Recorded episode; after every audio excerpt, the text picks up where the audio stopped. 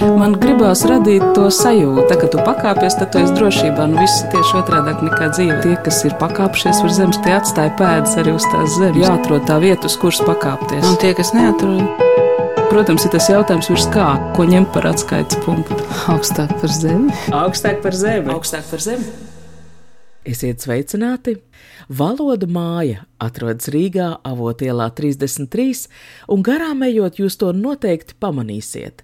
Tās logi aprakstīta ar nosaukumu Valoda māja, vispirms jau Baltijā vēsturiski runātajās valodās, tad solidarizējoties arī pasaules mazākajās valodās.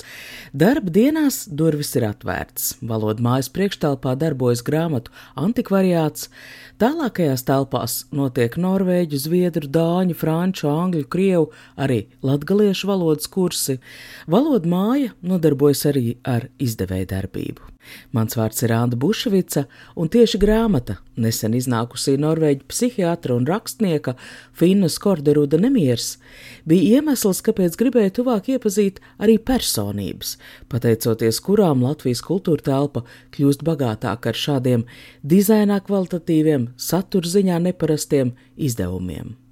Kādu brīdi man tas prasīja aptvert, ka valoda māja no vienas puses darbojas kā komerc uzņēmums, taču turpat līdzās darbojas biedrību valodu muzejs, kas ir atvērti jauniem biedriem, jaunām idejām, savaldzina ar nesautīgumu, ideālismu un spēju sapņot.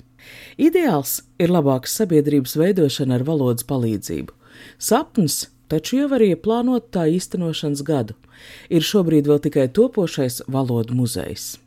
Par biedrības valodu muzejas projektiem atbild Elīna Kokarēviča, ar Martu Roķi man iepazīstina kā valodu mājas motoru, viņai piemīt spēja rosīgās idejas pārvērst konkrētos darbos, bet valodu mājas un arī valodu muzeja idejas iniciators un pilnīgi noteikti ārkārtīgi iedvesmojoša personība. Ir latviski lieliski runājošais norvēģis, valodnieks Snorre Karkonens Svensons. Pirmo reizi esat? Uh, Jā, es nācu, nācu, kamēr atnāca. Kurš šobrīd gatavs man izrādīt valodu māju? Varētu teikt, ka valoda māja ir kā Jā. valodu kultūras centrs, jo mums notiek dažādi pasākumi, uh, intervijas, lekcijas, semināri, koncerti un tā tālāk. Un vēl mums ir biblioteka. Nu, tāds grāmatu antikvariāts. Tas izklausās pēc, varbūt, tā, tas ir lielais bizness, bet tas ir vairāk tā priekam eh, mums pašiem. Un lai būtu Rīga tādā vieta, kur tu vari atrast grāmatas, lietotas grāmatas par valodniecību un grāmatas visdažādākās valodas. Piemēram, tagad mums ir Eiropas valodu diena, un šeit mums uz galda stāv grāmatas dažādas valodas. Varbūt jūs varat redzēt, cik valodās šeit ir grāmatas. Nu, es mēģināšu uzskaitīt. Angļu pats par sevi šī varētu būt Grūzija. Jā, pareizi. Budapešta, protams, būs ungāru valoda, avilo daina. Tie varētu būt lietuvieši. Jā, pareizi. Un šeit mums ir tāds komiks pieaugušiem, bet kurā valodā? Nu, jā. Tas ir albāņu valoda, bet interesanti izdota Itālijā. Kā tā grāmata pie jums nonāca? To es pat vairs neatceros, jo mums cilvēki atnes grāmatas, reizēm mums uzdāvina un mēs atvedam paši, un reizēm arī nopērkam grāmatas, lai komplektētu mūsu sortimentu, tā lai būtu pārstāvētas pēc iespējas vairāk valodas. Uz valodu māju es atnākusi svētdienā un īpašā dienā. Eiropas Savienības dalību valstis kopš 2001. gada septembrī svin Eiropas valodu dienu. Es skatos, tur uz tāfeles ir zīmēti burtiņi, nu tādi īpaši burtiņi. Latvijā. Jā, tie ir igauņu valodas burtiņi. Mums te no rīta bija igauņu valodas zibkurs. E, u, E un U. Un šeit arī ir jaukais vārds ÖT. Tas nozīmē nakts darbs. Tur ar četriem Ö burtiem. Es skatos, ka tur ir stūrītis, kur ir arī skaņu ieraksts, un tās augšā varētu būt spēles. Mums ir spēles dažādās valodās. Piemēram, mums ir spēle Scrabble, kur jāsaliek vārdiņi. Tā mums ir sešās dažādās valodās. Un pirms pandēmijas vienreiz mēnesī mums bija skrabli pēcpusdienas. Tās mēs noteikti atsāksim, jo tās bija ļoti populāras. Nu, tur atnāca cilvēki, kur spēlēja tad, uh, vienā pēcpusdienā trīs vai četrās dažādās valodās spēlēt. Tad mums ir citas valodas spēles Tie skaņu ieraksti pie mums skan mūzika dažādās valodās. Tu ieej kādā veikalā, tad skan latviešu valoda, angļu valoda, varbūt krievu valoda, bet mēs gribam tā, lai būtu visdažādākās valodās. Kamēr Snore Karkonēns Svensons valodu mājā man vada ekskursiju, blakus viss notiek pa īstam. Jūs esat ticis pie grāmatas, tā ir vācu valoda. Tā ir vācu valoda, jā. Jūs bieži nākat šeit izvēlēties? Pirmo reizi es tiku pie grāmatas. Jā, nu, reizēm ir tā, ka negaidot kaut ko atrod. Man tā bieži gadās, ka es ieeju tur, kur es garām ejot, es ieeju un es kaut ko ieraugu. Kāds sirds kungs priecīgs par satikšanos ar ķieģeļu biezumu grāmatu. Lenija Rīfenštāla atmiņas. Rīfenštāla nevar lasīt no līdz atsevišķus fragmentus, tikai tos, jo tā persona ir zināma. Jums viņa izsaka tas vārds kaut ko, ja tā ir kino vai ne? Viņa Berlīnas olimpiādas filmētāja bija, par ko viņa franči iebāz cietumā. Tā vēsture viņai ļoti interesanti ir. Un to, ko viņa darīja simts gadu vecumā. Simts gadu vecumā? Jā, un ko viņa filmēja tā ir tik interesanta biogrāfija, bet viņi nevar lasīt no un līdz. Jā, jā. Un viņas filmas skatīties, tas jau ir neko vērts. Mm -hmm. Bet cik valodās jūs lasāt? Nu, es lasu, nu, protams, latviešu, krievu, vācu vai ne, un igauņu valodā es varu lasīt, nu, protams, man vārnīcu vajag palīgā. Ja šo pašu jautājumu uzdod valodniekam, atbilde būs krietni sarežģītāka. Nu, tas ir jautājums. Pirmkārt, kas ir valoda? Un otrkārt, ko tas nozīmē prast kādu valodu? Nu, piemēram, skandināvu valodas. Es protu runāt gan zviedru, gan dāņu valodu, bez dzimtās norvēģu valodas. Bet vai tās ir atsevišķas valodas? Nav šaubu par to, ka oficiāli tās ir trīs valodas, ir trīs valstis, politiski skatoties. Tā ir, bet tā pašā laikā var viegli pierast pie pārējām divām valodām, klausoties, palasot, iemācoties dažus vārdus, un tad jau var praktiski visu saprast. Nu, tas ir līdzīgi kā latviešu valoda un latviešu valoda. Tas ir īstenībā tā pati latviešu valoda, un tāpat īstenībā ir ar skandināvu valodām. Trīs valodas, bet tā pašā laikā atšķirība nav lielāka nekā, piemēram, starp dažādiem vācu dialektiem. Bez skandināvu valodām es runāju arī igauniski un lietuviski.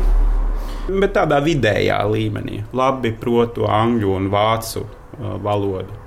Eh, skolā Norvēģijā mācījos krievu valodu. Gimnāzijā, kura bija no retām vidusskolām Norvēģijā, kur māca krievu valodu. Bet tā paradoxāli dzīvojot Rīgā, visus šos gadus es krievu valodu neesmu praktizējis. Tikai kad, kad es esmu bijis Krievijā vai, vai citur, piemēram, Moldovā un tā. Bet, Jā, te es vairāk esmu lietojis latviešu valodu. Principa lieta vai? Eh, sākumā tā bija principa lieta. Tagad es tomēr eh, runātu krievu valodā, ja es labāk prastu. Beidzot, skolu es pratu labāk. Kā jūs nonācāt Latvijā? 9. klasē es uh, skolā atradu tādu bukletu par to, ka bija iespēja braukt uz ārzemēm apmaiņā. Desmitajā klasē es domāju, ka jā, es to gribētu darīt. Es izdomāju, ka es braukšu uz Čīli, Dienvidamerikā. Jo man likās ļoti interesanta politiskā situācija, jo tur bija bijusi diktatūra un attīstījās eh, demokrātija. Un arī, protams, spāņu valodas dēļ, jo tā iemācoties spāņu valodu, tad tu vari to izmantot daudzās valstīs, un arī ir vieglāk iemācīties nu, franču, itāliešu, portugāļu valodas. Nu, bet es bieži daru lietas pēdējā brīdī, un es iesniedzu pieteikumu tik vēlu, ka viņam vairs nebija viesģimeņu Čīlē. Un tad es teicu, nu, tad es braukšu uz Latviju. Es jau interesējos par Baltijas valstīm līdzīgu iemeslu dēļ, kāpēc es par Čīli interesējos, par tām politiskām pārmaiņām. Toreiz bija tās Olimpiskas spēles Lillehammerē 94. gadā, un es biju tajā laikā braucienā. Es tikko biju pateicis, ka es braukšu uz Latviju, un es sāku par to domāt, un, un ka tas būs ļoti interesanti. Un kad es atgriezos Norvēģijā, kā var saprast, es maz interesējos par sportu, jo es nebiju, nebiju Norvēģijā tajā laikā.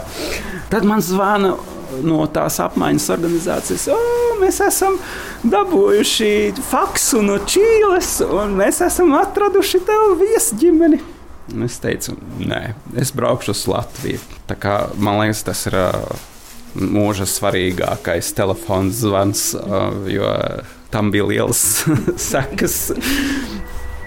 Viss sākās 1994. gadā, bet šobrīd, nepilnus 30 gadus vēlāk, internetā literatūra LV rodamas ziņas, ka tulkotājs un pedagogs Nore Karkonens Svensons strādājis par norvēģu valodas pasniedzēju Latvijas Kultūras akadēmijā, Latvijas Universitātē, Bergens Universitātē, Ziemeļvalstu valodu centra Nordisk, iniciators un līdzdibinātājs, līdzīgu organizāciju inicijējis arī Lietuvā, tulkojas norvēģiem ne tikai latviešu, bet arī lietuviešu daļu literatūru, piemēram, Jāņa Joņeva romānu Jālgava 94. Marta Roķe, valodu mājas līdzdibinātāja, norvēģu valodas pasniedzēja, pievienojas mūsu sarunai. Mēs ar Martu esam pazīstami ļoti sen vairāk par 20, vairāk kā 20 gadus. Jā. Tā norvēģu valoda vainīga. Kad es eh, gāju vidusskolā un bija jāizlemj, eh, kur es tālāk studēšu. Un, kā, pētot visu, kas ir piedāvājumā, es sapratu, ka Latvijas Kultūras Akadēmija ir tā vieta, kur es gribētu studēt. Un tad es skatījos, kas tur par programmām ir, kurās uzņem. Un eh, tajā gadā uzņēma starpkultūras sakarus Latvijas Ziemeļvalstis specialitātē. Un es atceros, ka es gāju uz atvērto durvju dienu, un tur ļoti iedvesmojoši runājas Nora. Man bija 18 vai 17. laikā, Snoram bija 22 vai 23. es atceros, ka tā doma man bija interesanta, no kuras vietas Latvijā Snora nāk, jo šādu akcentu vai šādu izloksni es neesmu dzirdējis nekad agrāk. Tas, kā Snora stāstīja ar kādu iedvesmu, tāpat kā viņš visu dara, ar tādu iedvesmu, kā viņš stāstīja par šo studiju virzienu, tur arī sākās mans ceļš šajā virzienā valodu mājas vietnē internetā pie pasniedzēju profiliem fotografiju vietā ir zīmējumi. Drīzāk draudzīgi sārži, kuru esence ir nevis radīt priekšstatu, kā cilvēks izskatās, bet drīzāk notvert viņu būtību. Marta Roķe zīmēta ar putnu spalvu matos, indiāņu krellēm, bet latviskā villainē ar bronzas piekariņiem. Viņa protot dziedāt tautas dziesmas 20 valodās, ik vasar migrējot aiz polārā loka pie dabas bērniem sāmiem. Ilgus gadus nostrādāju biznesa ārpakalpojumu firmā, mācot norvēģu valodu darbiniekiem. To, kā mācīt norvēģu valodu, to es arī esmu mācījusies no Snoras. Tieši studiju laikā mums tāda priekšmeta nebija. Mēs mācījāmies tulkošanu, bet to, kā mācīt, to es iedvesmojos un mācījos no Snoras. Un tā, tā arī bija pirmā tāda pieredze tam, ka var mācīt savādāk, ka var mācīt ar iedvesmu un iesaistot dažādas maņas. Un to mēs arī, gan es, gan arī citi, kas ir pie Snoras mācījušies, turpinājuši šo Snoras skolu. Un tad, kad es beidzu darbu birojā, tad uh, satikos ar Snori. Snoram bija šī doma par valodu māju, tas sapnis par to, ka varētu būt vieta, kur būtu šī biblioteka pieejama. Tad mēs sākām meklēt telpas. Nevar vēlējās, lai tas būtu avotu apkaimē, jo viņš ir arī šīs apkaimes patriots un grib ieguldīt kopienas veidošanā un apkaimē tieši. Un eh, tā koncepcija mums šeit ir eh, tādas eh, patrakas valodnieces viesistaba. Nu, viesistaba, kur mēs gaidām cilvēkus, kurus interesē valodas. Tas atspoguļojās gan stilā, kas mums šeit ir, piemēram, mēbeles. Noram ir īpaši mīlestība uz krēsliem. Viņš ik pa laikam iegādājās jaunus krēslus, kuriem viņš nespēja pretoties. Un tad šajā viesistabā viss ir tā mājīgi. Ir dažādas lampas, dažādās krāsās, un ir šie krēsli, kas ir dažādi. Un mums pat vīna glāzes ir ar nodomu pirktas. Pirmkārt, visas mēbeles ir lietotas. Mēs atbalstam ilgspējīgu domāšanu šajā jomā. Arī vīna glāzes mums ir dažādas, tā lai nebūtu viens komplekts. Pastāsti par līniju. Labi. Kam kas šeit dzīvo šajā? Snore uz brīdi atvadoties, piekodina Martai Roķai izstāstīt, kas ir Līva Enzelīna. Tas ir tēls, kuru jūs sastapsiet pirmo, ja valodu mājas durvis vērsiet internetu vietnē. Prototyps īsti nav šī rasma grīsla, kaut gan rasma grīsla ir svarīga mums. Kā mēs sakām, ka šeit arī rasma grīsla šajās telpās uzturās, jo tie ir viņas biblioteka un arī dažādas viņam piedarošas lietas. Kas ir par rasmu grīslu, ir interesanti viņas biblioteku, ka no uh, viņas grāmatām uh, birst ārā tādas kaislīgas vēstules par gramatikas tēmām. Kā jūs tikāt pie šiem grāmatām? Tas Norra iegādājās no Rasmas Grīsles mantiniekiem tā bija tā biblioteka, kas veidoja pamatu šim uh, krājumam. Rasma Grīsle, valodniece, Jāņa Enzelīna skolniece, padomu laikā kaismīgi aizstāvējusi savu skolotāju zinātniskos uzskatus. Dzimusi 1922. gadā, mirusi 2013. valodu mājas priekštelpa ir un nav. Rasmas Grīslas viesistaba, pilna grāmatām provocējošu sarunām par valodu, Rasma Grīsla tomēr ir vēsturiska persona, un nebūtu īsti korekti piedēvēt viņai visu šobrīd valodu mājā notiekošo, tāpēc mēs izdomājam tādu personu, kuru sauc Līna Enzelīna, zinātniece, valodniece, kas iemieso tādu kā valodu mājas eh, garu. Viņa ir eh, nenoteikta vecuma, viņai ir eh, tāds dūls matu sakārtojums mazliet. Tas arī raksturo to, kādi mēs esam. Mēs esam atvērti gan jaunām idejām, no jauniem cilvēkiem, veciem cilvēkiem vidēja vecuma cilvēkiem, dažādiem cilvēkiem ar tādiem uzskatiem, citiem uzskatiem, tāda vieta, kur tieks cilvēki būtībā, kurus vieno interese par valodām. Tad, kad būs šis valodu muzejs, jūs jau esat uzlikuši termiņu 30. gads. Ja? Mēs saprotam, ka tas ir ļoti ambiciozs projekts. Vienmēr lietas aizņem vairāk laika nekā tu domā, un tādēļ mēs eh, nedomājam, teiksim, nākamgad vai aiznākamgad, bet uh, plānojam, veidojam tīklu, strādājam pie koncepcijas, jo mums ir svarīgi, lai tas tiešām būtu tāds muzejs, kas nav tikai tādiem valodu entuziastiem vai, vai valodniekiem, bet nu, kas būtu interesanti visiem. Jo visiem cilvēkiem valoda ieņem ļoti lielu lomu dzīvē, un arī sabiedrībā, un politikā, psiholoģijā, visur. Un mēs par to nedomājam, un arī nedomājam, kā valoda un domāšana ir saistītas, un mēs to gribam parādīt ar to muzeju. Ka tas ir muzejs tādā mūsdienu izpratnē, nevis tā, ka tur ir teiksim, Jāņa Enzelīna pilspalva vai kaut kas tamlīdzīgs.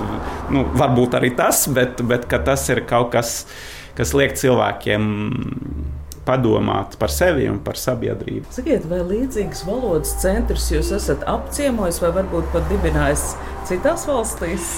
Mums eh, tagad top projekts, un rīt mēs braucam no valodu mājas, no mūsu biedrības valodu muzeja uz Norvēģiju.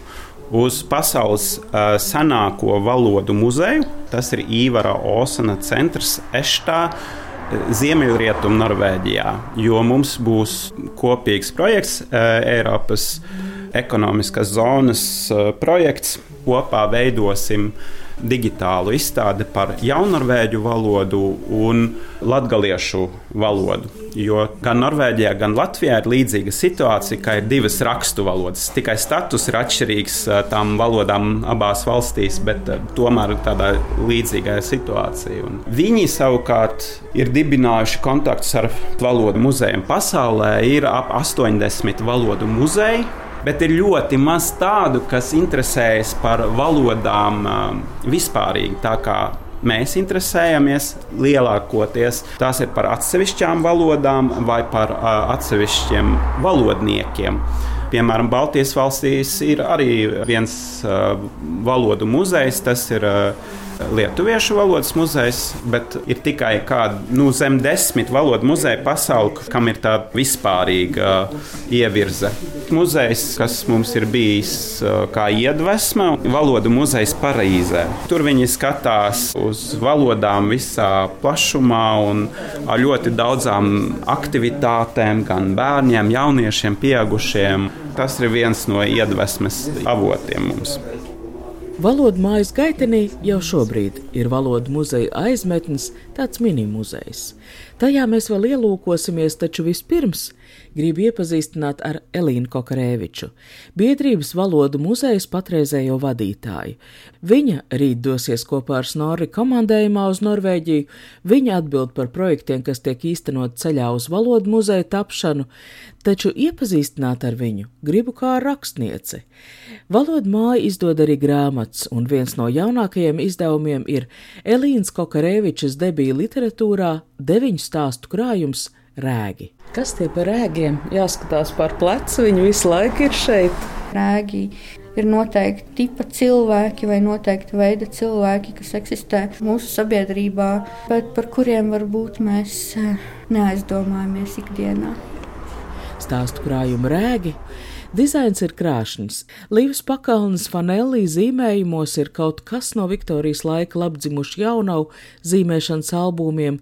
Te ir precīzi izzīmēti kukaiņi, augu herbārijas, klusās dabas, taču šai nostrādātajā, akurātajā dzīves vērojumā nemitīgi ielaužas, kas biedējoši neiederīgs, nepareizs, savāds. Kaut kas traks, dažas no grāmatas ilustrācijām ir tetovējuma veidā jums uz rokām sakāpušas? Tie ir atsevišķi, tie ir nesaistīti, bet uh, par to, ka man patīk kukaiņu līva, zināju, tāpēc tur ir naktstauriņa un tādas lietas, kas man arī ļoti patīk. Un, un eh, zirneklis, zirneklis, ka jāatcerās jā, un uh, viena lieta, kas ir tā tāda ļoti personiska, biogrāfiska, ko Līva man pajautāja, ir tas grāmatu plaukts vienā ilustrācijā.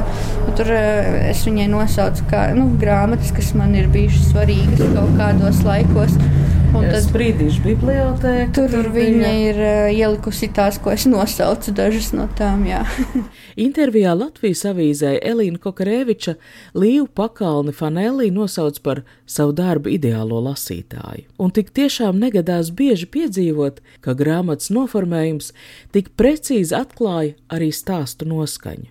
Un jāteic, ka tieši noskaņa ir tā, kas krājuma stāstu satur kopā, jo tēmas ir dažādas. Te ir attiecības strīds, te ir detektīvs ar pazudušu personu un fantāzija par nākotni.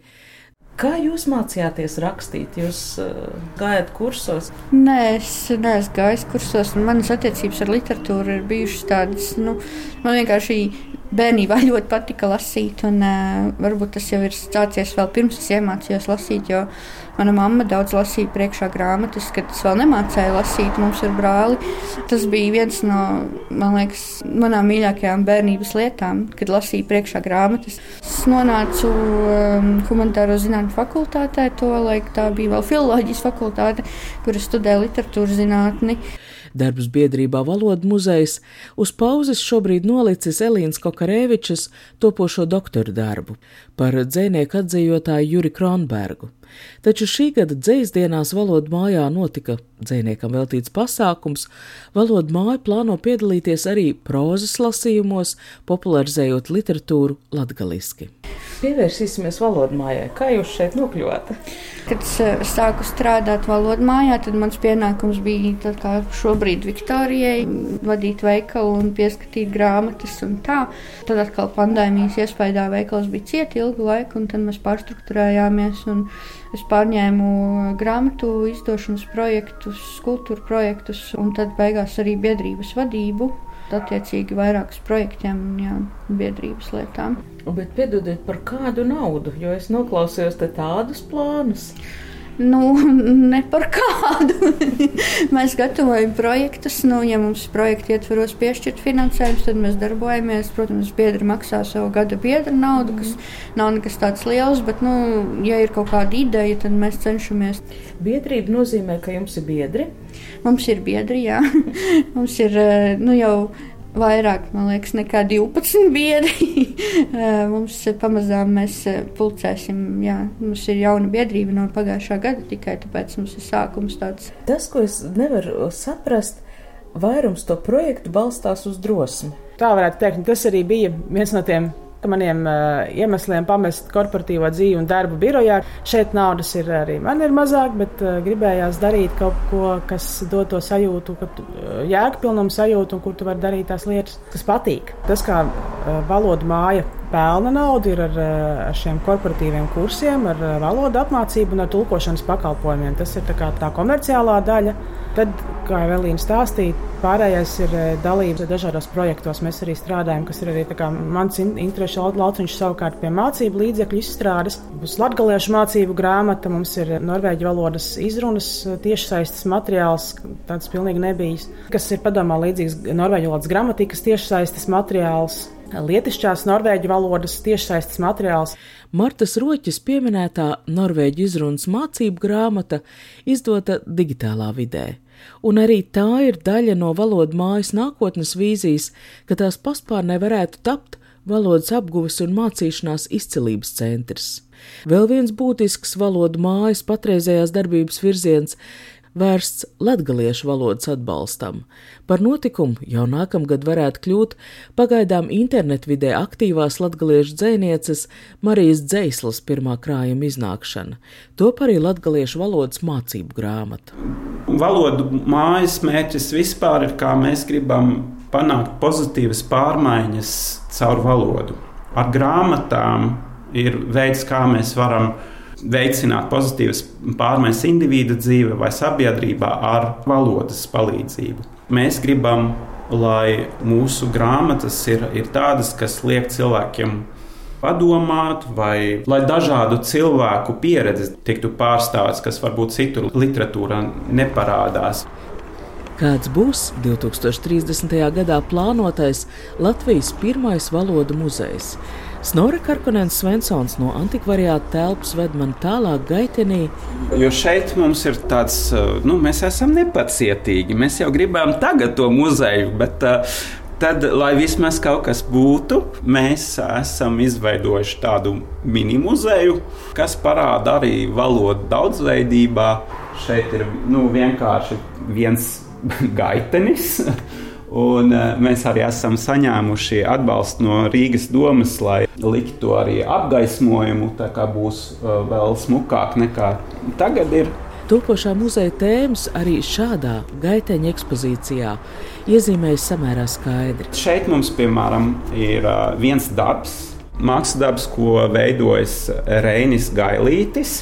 Man ļoti patīk šīs mākslas darba žanrs, jo viņš to ir dēvējis par vizuālo esēju. Esēja kā žanrs ir tā, kā apsver kādu tēmu un ar kādām asociācijām, un, un viss kā tas ir saistīts. Tā viņš ir veidojis tādu vizuālu esēju par valodām. Šeit ir kadri no filmām, kas ir saistītas ar valodām. Te ir Bābeles tornis, te ir Jānis Enzelīns.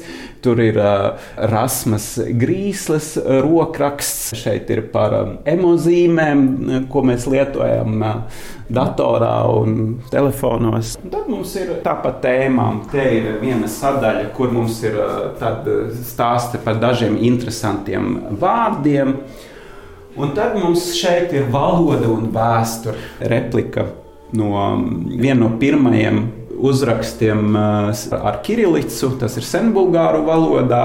Šeit ir vārnīca, Igaunijas zviedru valodas vārnīca, un šeit mēs eh, runājam par zviedru valodu Igaunijā. Te ir par nuišu tāda īpaša rakstība, ko izmantoja tikai sievietes. Ko? Jā. Tas Kur ļoti tas notika. Tas bija Ķīnā.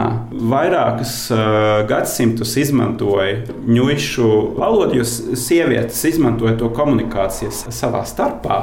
Portugāļu latviešu valodas vārnīca, kura iznāca 1906. gadā. Kā jūs varat iedomāties, kam bija vajadzīga šāda vārnīca? Jūrniekiem? Nē, latviešiem, kuri izceļoja uz Brazīliju. Tādēļ tur ir Brazīlijas portugāļu valoda. Tik interesanti, ka mēs varam redzēt, kuras vārnīcas tiek izdotas. Tas arī kaut ko izsaka par vēsturi tajā laikā. Tāpat mums ir praktiska Latviju, Lietuvju, poļu vārnīca lauksaimniekiem un laukstrādniekiem, kura iznāca 37. gadā. Un tas arī ir saistīts ar to vēstures faktu, kā tajā laikā poļi un lietuvieši aizbrauca uz Latviju kā viestrādnieki un strādāja fermās Latvijā.